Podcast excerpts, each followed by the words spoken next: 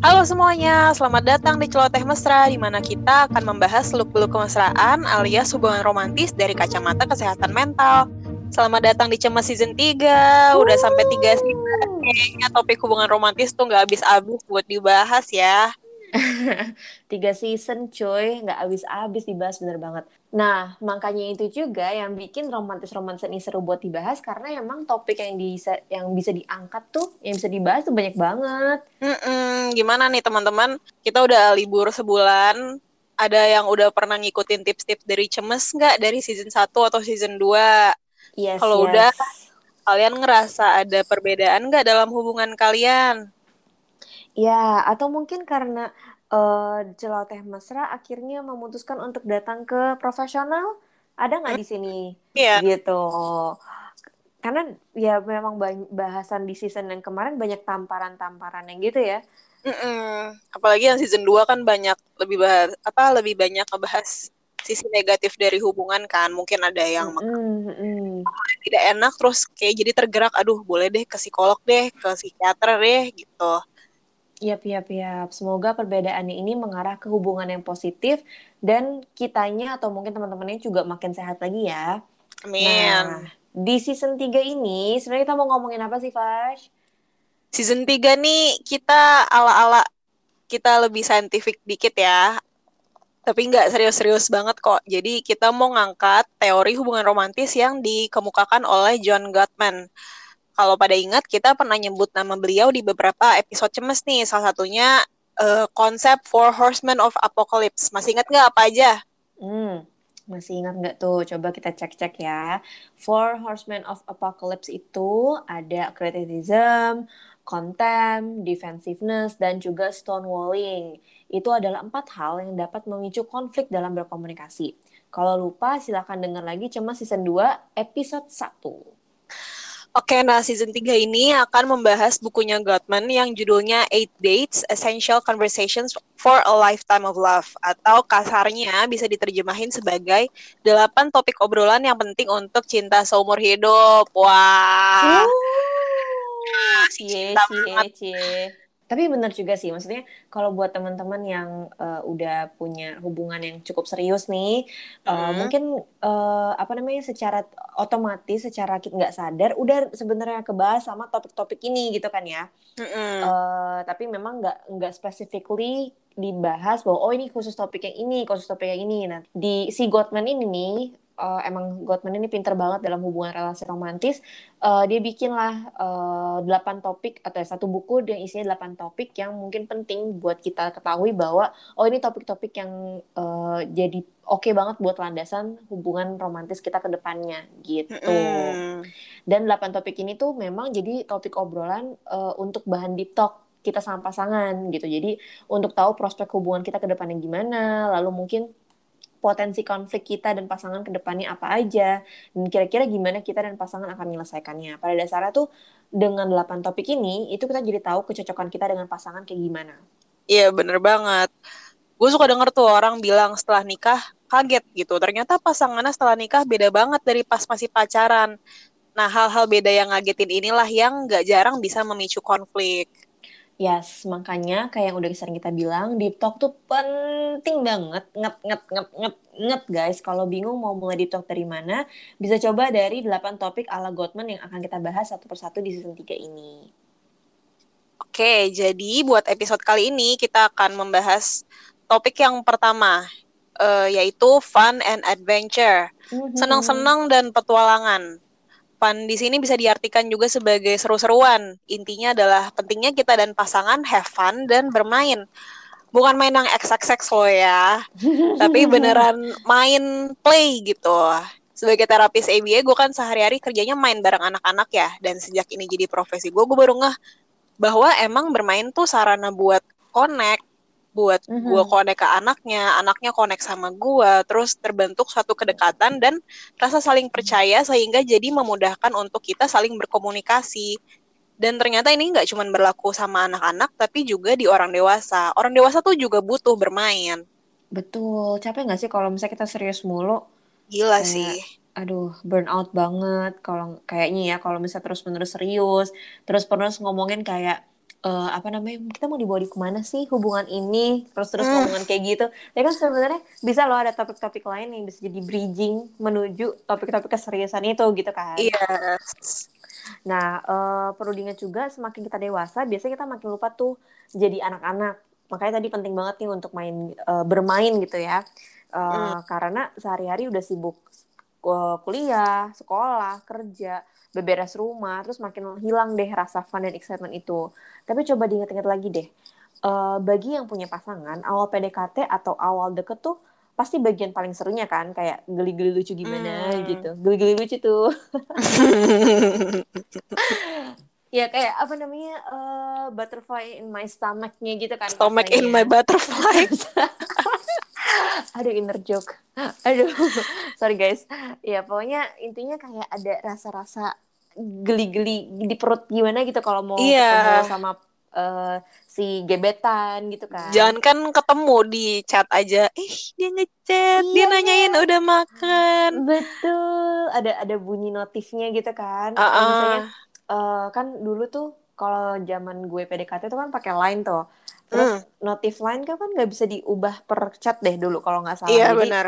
Iya kan, jadi general tuh. Jadi setiap denger bunyi line tuh gue langsung kayak bener kayak dia ngechat gitu. Pas buka notif ternyata line today. Kan gak lucu ya. Atau promo Starbucks. Ah iya, berarti kalau promo Starbucks gue deg-degan juga sih, Fas. Kenapa tuh? Karena gue pengen. Kita tuh ya korban Yo, iya. 50%. Yo, iya, bener-bener. bener. Nah, eh, gak cuma karena senang ada yang perhatiin, tapi biasanya eh, si geli-geli lucu itu muncul karena biasanya pasangan yang baru deket tuh banyak kegiatan funnya yang biasanya dilaka- dilakukan saat ngedate gitu. Misalnya ada yang ke Dufan, ada yang ke- eh, jalan-jalan eh, keliling kota Jakarta gitu misalnya ya kalau yang di base Jakarta misalnya atau mungkin eh, eh, ikut kegiatan bareng, ikut workshop bareng, ikut Hmm. em, les bareng atau nonton bareng gitu kan, makan bareng itu pokoknya kegiatan yang bareng-bareng deh. Eh, emang yang paling gampang tuh nonton sama makan sih pada umumnya dulu ya Iya, ke mall Heeh. kan. ke mall gitu. Kalau sekarang orang pacaran gimana sih? Kalau lagi pandemi ke mall doang kali ya? Mau mau makan biasanya Kalau tutup. buka, kalau pas mallnya Kalau masih tutup kayak iya, kemarin bener. ke rumah kali ya GoFood gitu. Ah, ah, ke rumah GoFood. The feeling of dia datang ke rumah aja deg-degan banget Iya nggak sih, bener kayak, aduh gue harus udah harus mandi, harus udah Iya, iya, iya, iya. presentable. Iya, benar-benar tetap pakai daster tapi sedihnya ada ada polesan dikit kan apa Iya. makeup gitu. Iya, Iya, tapi eh, apa rasa deg-degannya itu sih yang memacu kita untuk kayak eh gue harus mandi gitu. Iya, atau mungkin ini kali ya apa eh, nonton bareng eh apa sih apa party Netflix party apa sih yang di website Iya. nonton bareng itu? apa Ah, ah, ah, non- ah, ya gitu deh, nonton, nonton. bareng sambil Mm. chat, sambil ngobrol ngebahas Mm-mm, filmnya. video call, voice call gitu kan kalau sekarang ya. Iya, gitu jadi eh, apa namanya itu adalah sesuatu yang fun emang dilakukan dengan pasangan Mm-mm. terutama munculnya entah kenapa selalu pas lagi PDKT ya Iya sih. Kayak ya mungkin karena excitementnya masih tinggi ya, karena Hmm, baru-baru hmm, hmm, hmm. deket itu kayak masih berusaha gitu, masih biasanya effortnya tuh masih maksimal gitu kalau masih PDKT karena belum dapet nih, iya belum mendapatkan, jadi usaha banget tuh. iya saya Nah. Nah yang disebutin Ute tuh termasuk eh, main ya jatuhnya buat orang dewasa gitu.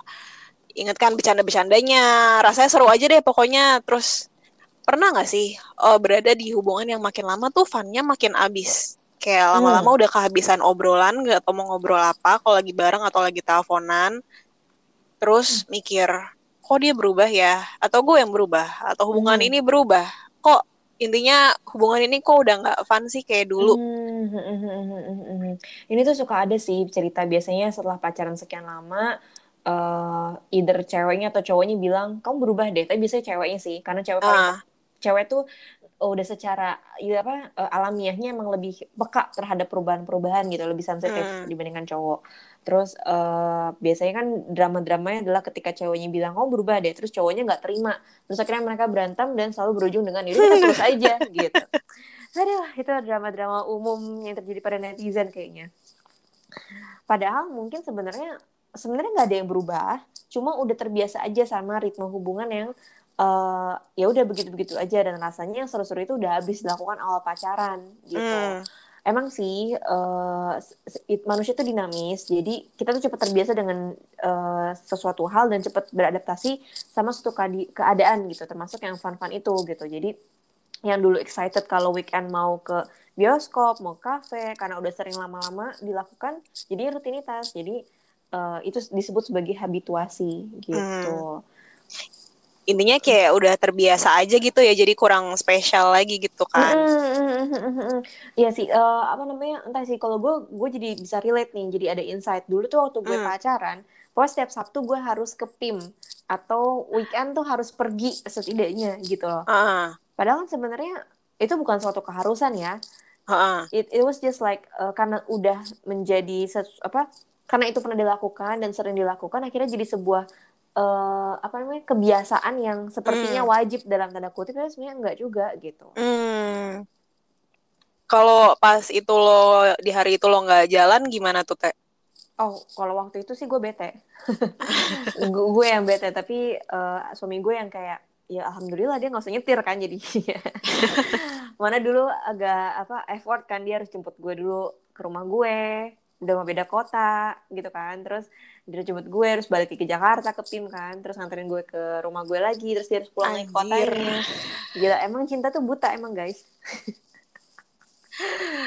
Aduh. Uh, tapi kalau udah ngerasa kayak gini kayak ngerasa hambar hubungannya hmm. kita bisa kok obrolin sama pasangan. Enaknya nanti ngapain ya pas kita ngedate? Kamu pengen apa? Aku pengen coba ngelukis deh misalnya. Cobain hmm. bareng yuk gitu atau rencanain liburan bareng, pengen ke mana, di sana ngapain aja. Kalau lagi pandemi gini mungkin agak susah kayak kalau mau ngerencanain ngedate keluar atau liburan. Tapi kita bisa kok main di rumah doang atau ngobrolin hal-hal konyol aja, bercanda-bercanda. Misalnya mm -hmm. main truth or dare dengan syarat nggak boleh baper. Main never have I ever. Kayak, kayak gue sama Ute dulu sama teman-teman yang lain tuh. Iya, never have I ever juga nggak boleh baper ya. Iya. Mm-mm. Terus main game-game tabletop kayak kartu, kayak Uno, board game mm-mm. gitu. Atau saling tukar playlist Spotify, siapa tahu kita jadi nemu lagu baru yang asik. Terus karaokean bareng, pakai YouTube atau ngayal. Kalau dapat duit satu miliar, kamu mau ngapain? Gitu. Hal-hal hmm. yang kesannya sepele dan receh gitu, tapi ternyata bisa banget tambah kedekatan loh. Bener banget. Nah, fun and adventure itu uh, sebenarnya menurut gue nggak cuman kita ngasih ide atau masukan masukan uh, kegiatan lain gitu ke pasangan, tapi juga misalnya ketika kita ngasih uh, waktu untuk pasangan dan diri kita punya me time gitu. Nah, karena di me time itu kan kita uh, jadi bisa mengembangkan diri tuh ya. Nanti pas kita ngobrol lagi sama pasangan, tentunya uh, kita jadi bisa balikin cerita ini gitu atau bisa di share nih sama pasangan gitu. Jadi itu bisa juga masuk ke fun and adventure. Dan kalau menurut gue hal-hal seru yang bisa dilakukan bersama teman tuh bisa juga loh sebenarnya dilakukan sama pasangan. Dan kalau udah diobrolin tapi ternyata uh, ide have fun kalian baik yang beda nggak apa-apa banget. Coba diobrolin aja. At some point gue yakin sih tiap pasangan tuh punya sebenarnya persamaan atau mungkin uh, apa namanya punyalah interest yang sama terhadap mm -hmm. si konsep fun ini gitu. Kalau enggak kan kayaknya dari awal nggak mungkin jadi pasangan gitu ya nggak sih? Mulai dari ngobrolin hal-hal receh aja dulu kayak share-share post receh di medsos mm -hmm. itu kan juga bisa masuk ya. Mm -hmm, betul. Tapi nih ya, yang kadang kita suka lupa, meskipun punya pasangan, kita nggak harus loh selalu melakukan aktivitas bareng, termasuk mm -hmm. having fun itu. Karena bisa aja misalnya gue sama pasangan gue beda cara have fun-nya. Mm -hmm. Don't get me wrong, berkegiatan bareng pasangan tuh bagus banget. Tapi kita boleh juga loh berkegiatan sendiri atau sama orang lain kayak yang Ute bilang mm -hmm. tadi, me time misalnya kita uh, sendiri atau enggak sama temen gitu. Misalnya gue suka panjat tebing tapi cowok gue nggak suka ya sasa aja gue panjat tebing sendiri atau sama temen yang suka panjat tebing juga. Mm-hmm. abis itu pulangnya gue kasih oleh-oleh cerita deh. Tadi aku panjat panjat tebing sama temenku di sini bla bla bla. Capek tapi seru banget deh gitu atau misalnya pasangan kita suka main game online bareng teman-temannya tapi kita nggak suka game online itu gue banget sih kayaknya.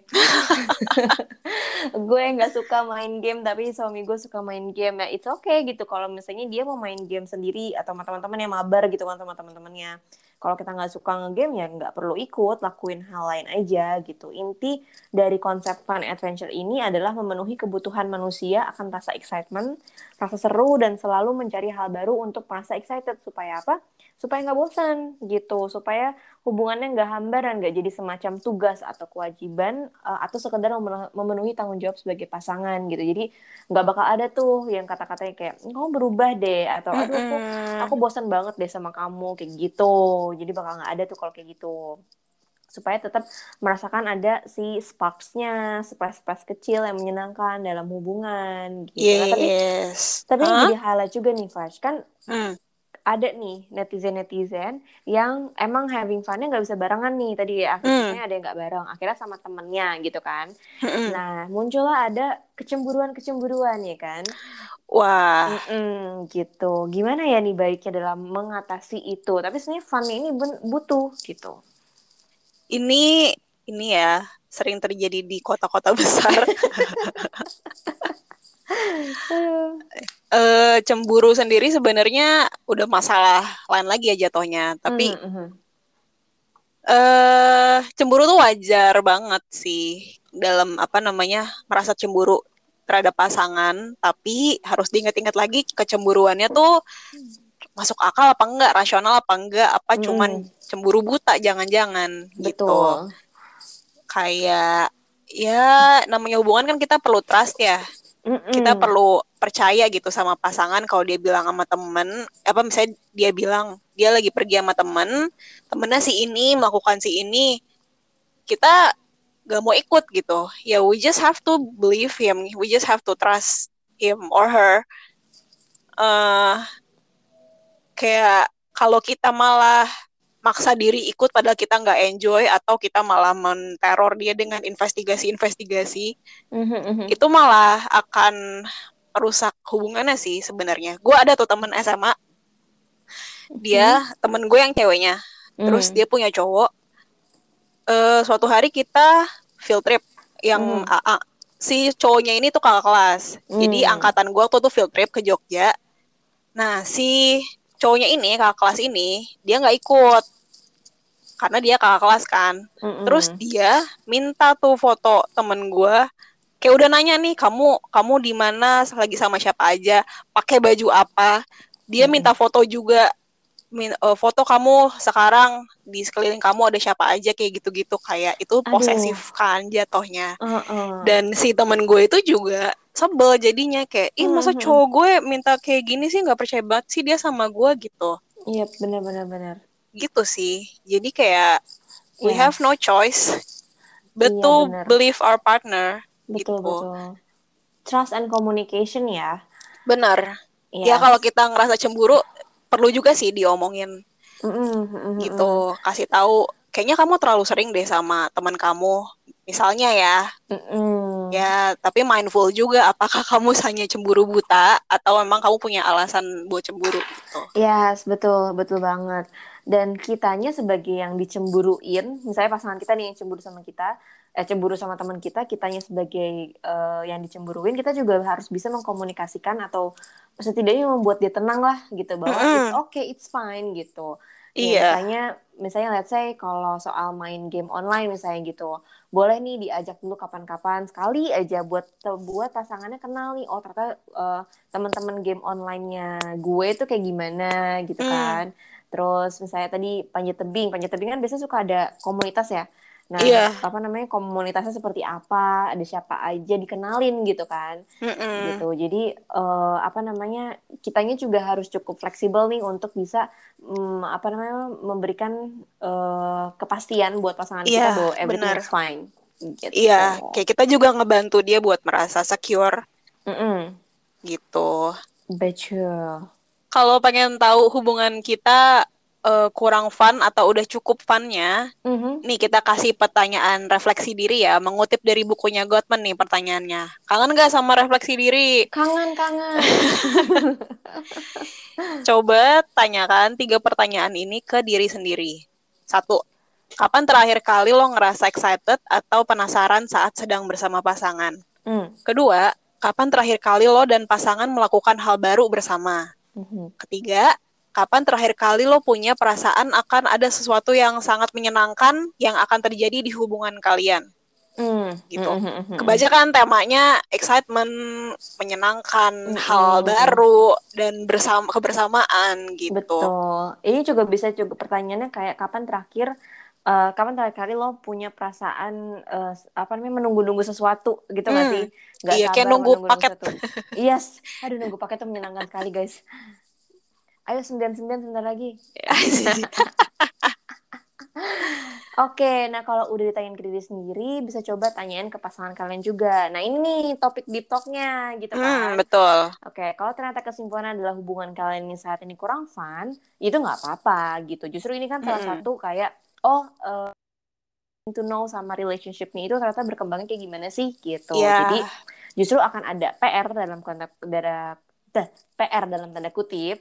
Eh, coba diskusikan kira-kira bagaimana caranya untuk bisa menambahkan fun dalam hubungan kalian gitu. Keep an open mind, jadilah pendengar yang baik dan hindarin juga ngejudge. Jadi bukan berarti kalau nggak fun artinya udah bosan, bukan berarti gitu. Iya. Gitu. Bisa aja memang ya kayak oh lagi turun nih eh, apa excitementnya dalam hubungan itu wajar Mm-mm. gitu. Jadi Apalagi kalau dua-duanya capek kerja gitu kan Yes. sehari-hari kayak udah nggak punya waktu buat fun, buat ngejalan-jalan misalnya. betul betul betul ini derita-derita orang WFH ya. udah capek kerja jadi kalau mau video call atau mau ada yang nyamperin ke rumah tuh capek gitu kan rasanya Mm-mm. pengennya weekend tuh diem di rumah tidur gitu nah itu juga bisa jadi eh apa namanya bagian dari refleksi diri oh ternyata kita berdua butuh istirahat nih gitu.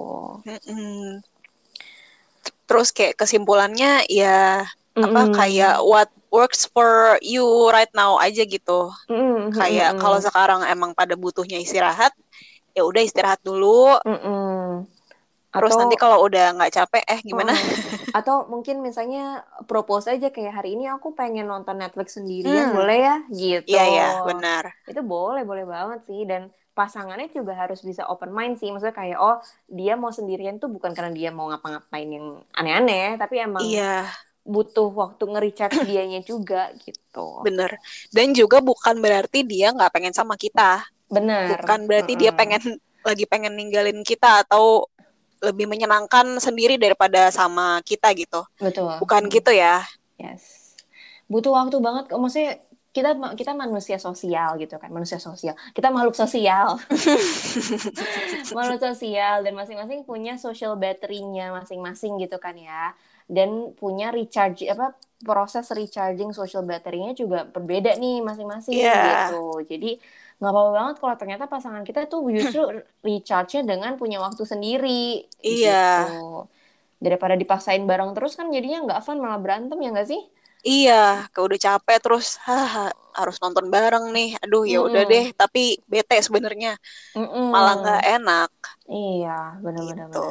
Nah, Fasya gimana nih, Fas? Oh, perbedaan antara fun dulu waktu PDKT atau awal-awal pacaran sama sekarang nih udah jauh lebih serius gitu. Oke, bedanya fun pas gue PDKT sama sekarang. Jadi gue PDKT tuh tahun 2012 Hmm, hmm. di sekolah karena masih SMA.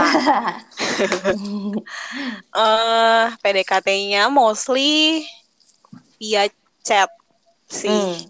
Hmm. Dan gue ingat waktu itu tuh dulu tuh eh, zamannya BB kan, zaman Hmm. BlackBerry. Gue pakai BB, tapi cowok gue enggak, dia masih pakai Nokia. Hmm. Jadi kita nggak bisa BBM, kita bisanya SMS-an. Terus gue ingat kita tuh karena karena masih PDKT kan, jadi banyak yang belum diketahui gitu soal Mhm. the other person. Satu SMS tuh bisa panjang banget, bisa bahas dua topik sekaligus, dua tiga topik sekaligus. Oh my god, so cute. Iya. Dan kayak teleponan juga waktu itu masih mahal kan. Teleponan Hmm. tuh nggak nggak free kayak sekarang pakai Hmm. WhatsApp gitu. Aduh sedih ya zaman kita teknologi. Teknologinya masih OTW. Masih OTW banget. Masih susah lah pokoknya dulu tuh untuk Iya. berhubungan. Jadi ya karena karena masih PDKT juga sih. Jadi di sekolah tuh juga nggak yang ngobrol banget karena malu kan dan Hmm. punya teman sendiri-sendiri. Mhm. Jadi ngobrolnya tuh lebih banyak SMS-an dan ya get to know each other sih mostly sama eh ya jalan ke mall Hmm, nonton hmm, hmm, gitu. Hmm. terus gue ngerasanya sih fun pada saat itu kegiatannya ya dari segi kegiatannya waktu itu sama sekarang nggak beda jauh sih. Eh, masih suka nonton bareng juga jalan bareng segala Mhm. macam Eh, cuman mungkin dari segi obrolannya yang kayak kalau dulu tuh bener-bener banyak banget yang diobrolin kalau sekarang tuh lebih ke karena udah banyak yang diketahui jadi lebih ke bercanda-bercandain aja hal-hal Hmm. yang saat itu kita alamin gitu misalnya kita nonton bareng kita komentarin film gitu tapi Hmm. kalau a- misalnya ada hal-hal yang emang mau diobrolin ya diobrolin gitu Mhm, mhm, mhm. gitu I sih see, I see, I see. Karena udah kenal gitu kok udah nggak in the surface lagi dan udah makin deep hubungannya. Mm-mm. Jadi emang udah tahu nih ya poin-poin apa yang mau dibahas dalam Iya. seharian gitu ya. iya kayak pola Mm-mm. komunikasinya juga udah udah tahu kan udah terbiasa Yes. gitu Ya, ya, ya, ya. benar-benar. oh sama ini sih Hmm. di berangkat ke sekolah bareng Emang Di rumah lo deketan ya? eh dekat sih lumayan cuman kita kayak ketemu di nggak nggak setengah jalan sih kayak gimana ya? It- jadi eh, jadi dia tuh jadi gua ke eh, depan kompleknya dia gitu De- gua Hmm, tapi kayak pas udah beberapa tahun pacaran dia juga baru mikir kayak kenapa dulu gua nggak jemput aja ke rumah ya kenapa harus dia yang ke rumah gua dulu baru jalan ke sekolah Oh. gitu kayak impractical gitu tapi lucu-lucu gitu sih Iya, kayak iya, iya. sekolah Ini- bareng Ini jalan kaki kayak Dilan gitu. enggak anjir naik motor Dilan kan naik motor Tapi kan ada jalan kakinya yang Ada sih. Motornya dibawa instead of dinaikin kayak sumpah gak ngerti banget. aduh diklaksonin orang yang ada kok kayak gitu dikira mogok enggak enggak naik Aduh. motor Oke, oh gemes-gemes gimana gitu. iya ya deg-degannya ada banget excitednya ada banget geli-geli Hmm. Stomach and my butterfly ya. kalau lo gimana teh bedanya Oh oke, mungkin kalau gue bedanya beneran signifikan ya antara pacaran sama menikah. ah Eh, kalau dulu pacaran, kebetulan banget gue pacaran LDR nih, awal pacaran banget gitu. Jadi emang eh, isu gue dan suami itu dulu eh, komunikasi gitu, karena dia orangnya emang bukan yang tipe chatan banget, tapi gue orangnya Mm-mm. chatan banget gitu. Terus eh, tapi buat teleponan, kita berdua tuh sama-sama kayak udah capek yang apa capek. Saat itu kan masih kuliah ya, capek kuliah, terus udah kayak males mau eh, apa teleponan, terus un- emang sih saat itu emang udah ada apa teleponan free free call gitu kan ya. Udah apa namanya udah ada eh, telepon WhatsApp dan segala macamnya.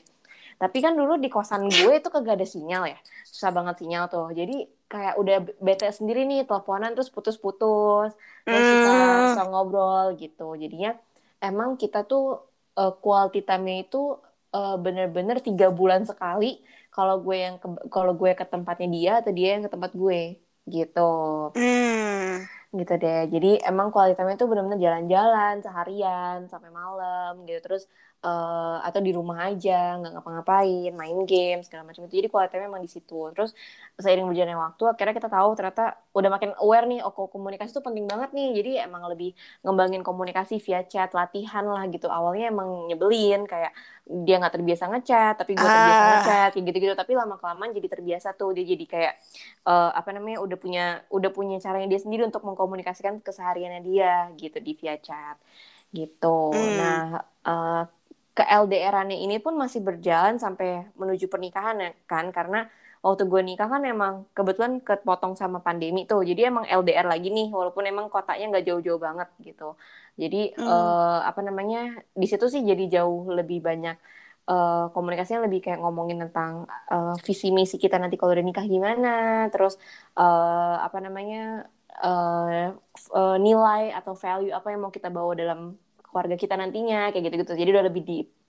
Nah setelah nikah perubahannya adalah karena setiap hari ketemu jadi tuh the apa namanya appearance-nya dia ada di ruang TV aja udah bikin gue tenang gitu. Itu adalah quality time buat gue. Fun at- fun and adventure-nya adalah kayak kalau misalnya dia tiba-tiba ngajakin masak bareng gitu. Hmm. terus nonton bareng gitu. Atau enggak misalnya eh apa namanya eh pilotalk pilotalk tuh ya benar-benar ngebahas tentang tadi tuh kerja dia ngapain aja. Karena kita tuh WFH beneran kerjain tuh ya udah sendiri-sendiri aja pakai headset masing-masing. Beneran dari pagi abis sarapan sampai sore lagi itu tuh nggak ngob jarang ngobrol lah gitu. Ngobrol tuh cuma Hmm. siang doang gitu. Jadi eh, apa namanya pas pilot pas mau tidur pilotoknya tuh yang ngobrolin tadi tuh kerjanya gini gini gini dia curhat lah soal kerjaan dia gue curhat soal kerjaan dia. Dan itu justru entah kenapa jadi eh, menyenangkan sih buat gue gitu. Jadi itu fun di Hmm. situ gitu. Gitu Oke. jadi biar ada gambaran ya guys perbedaan antara pacaran dan pernikahan pernikahan tuh eh, kalau nikah tuh justru entah kenapa gue jadi eh, gue jadi lebih sering main board game sih Hmm. dibandingkan waktu pacaran mungkin karena seharian atau kita berbarengan terus kali ya gara-gara pandemi kan jadinya nggak ada pergi ke kantor gitu kan nggak ada Iya sih. Jadi tuh beneran kita nyari game kayak di Tokped misalnya kita nyari eh eh yuk, beli beli Uno yang kayak gimana? Gitu Uno yang bisa digambar-gambar sendiri gitu. Terus eh, main Monopoly. Eh, terus kita main baru aja recently main eh, apa itu yang di stack gitu terus kita ngambil balok di tengah-tengahnya? Stako eh Stako, iya iya iya, itu Stako, yang Jenga. ah, Jenga Jenga iya yang apa ntar jatuh segala macam. Ntar apa eh eh, ininya kalau yang kalah tuh nyuci piring gitu-gitu sih Hmm. Hmm, jadi funnya beneran fun kayak sama temen jadinya Hmm. Iya sih, kalau kita bisa memperlakukan hubungan kita kayak sebagai teman juga gitu, jadi lebih lancar aja sih. Banyak hal yang kerasanya lebih lancar, gak apa ya? Kalau sama temen kan cenderung kita lebih santai, Mm-mm. Eh, nggak Mm-mm. semuanya ngomong, nggak selalu ngomongin hubungan kita gimana, ngomongin yang serius-serius, ngomongin rumah Mm-mm. tangga, bla bla bla kan nggak harus seperti itu setiap saat kan capek juga. betul betul gitu. betul betul Jadi kalau kita bisa memperlakukan hubungan kita seperti teman juga enak sih. Jadinya Iya. itu bisa lebih bisa fun sih menurut gue. Iya setuju banget. Jadi eh, si pasangan kita tuh ngambil kayak dua job sekalian gitu loh sebagai Mm-mm. temen, sebagai pacar. Bahkan ada yang ngerasa kayak eh, sebagai brother atau sister gitu, maksudnya saudara sendiri yang jadinya eh apa ya? Entah kalau buat gue, buat gue tuh kalau sama ade atau sama eh, bukan ade ya, maksudnya sama saudara itu jauh lebih terbuka dibandingkan sama teman misalnya kayak gitu. Ada juga kan yang kebalikannya nih. Jadi tergantung Hmm. sih dengan adanya ada the feeling of having a brother atau having a best friend itu jadi lebih terbuka buat gue. Hmm, oke oke. Hmm. Hah, menyenangkan sekali lah pokoknya. Jadi cari-cari guys topik-topik menyenangkan, Iya, games, games dicoba deh. menyenangkan. Yes, betul. Start Mm-mm. from ngirim-ngirim meme di IG atau TikTok. Iya itu sih. kegiatan gue banget sih sama cowok gue. Video-video hewan gitu. Oke deh. Oke deh, untuk episode berikutnya kita akan bahas konsep kedua dari buku Eight Dates-nya Gottman, yaitu konsep yang seru, panas, cie, sosi, No. pokoknya, yaitu sex and intimacy. Uh, sex and intimacy. Tapi mohon maaf nih, pikirannya jangan dibawa ke mana-mana dulu ya kan. Ini tuh eh, tujuannya ada topik ini sebenarnya untuk memperdalam pemahaman ter- terhadap pasangan dan terhadap diri kita juga ya. Mm-mm. Jadi Dan intimasi di sini Hmm. maksudnya bukan hubungan intim doang ya, tapi kayak intimasi as in Betul. kedekatan, kelekatan kita sama Betul. pasangan gitu. Exactly, kedekatan. Seberapa dekat sih kalian sama pasangan kalian? Anjay. Oke, kalau ada pertanyaan, kritik, saran, ataupun mau sharing, silahkan DM Mm-mm. di IG kita, at Celoteh Mesra. Sampai jumpa di episode berikutnya. Bye. Bye-bye.